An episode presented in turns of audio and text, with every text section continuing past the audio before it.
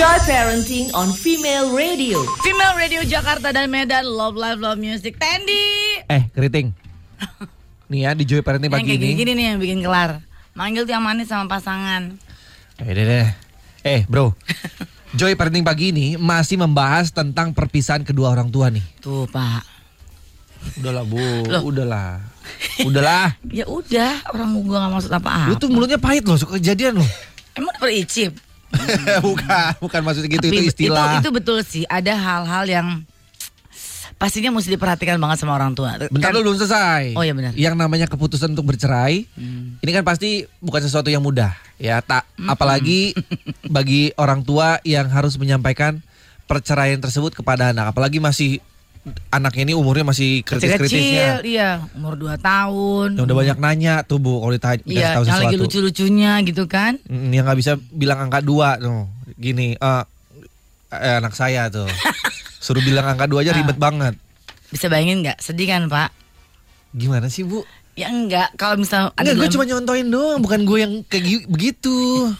Kan nggak ada yang bilang itu bapak. Bapak sendiri yang kasih tahu itu anak bapak. Cowok Nah, ya minta itu. aku ulangin lagi ya. Betul juga pak.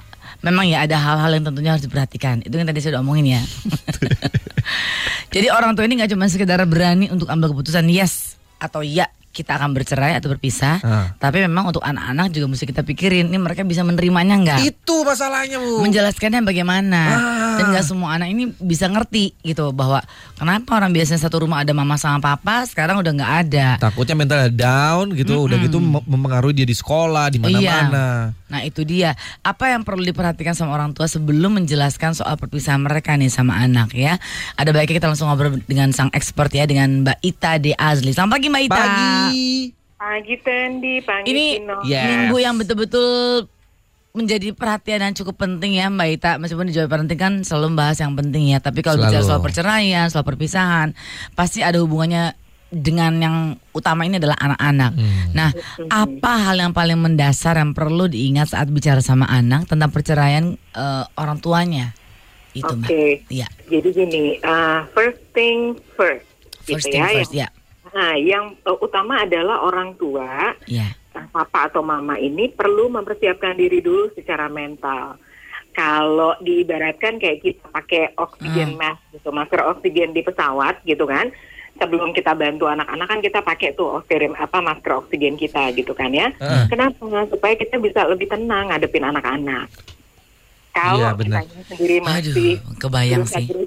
gitu ya, Mm-mm. masih dengan ah, Emosi, ya. emosi gitu Mm-mm. ya, Mm-mm. yang pastinya ups and downs. Nah ini juga akan mempengaruhi pada saat kita ngadepin anak-anak untuk eh, sampaikan apa yang mau disampaikan gitu ya sama papa sama mamanya Iya. gitu. Jadi yang pertama kita perlu tenang ngadepin anak, berarti kita perlu persiapan mental kita dulu. Iya. ya.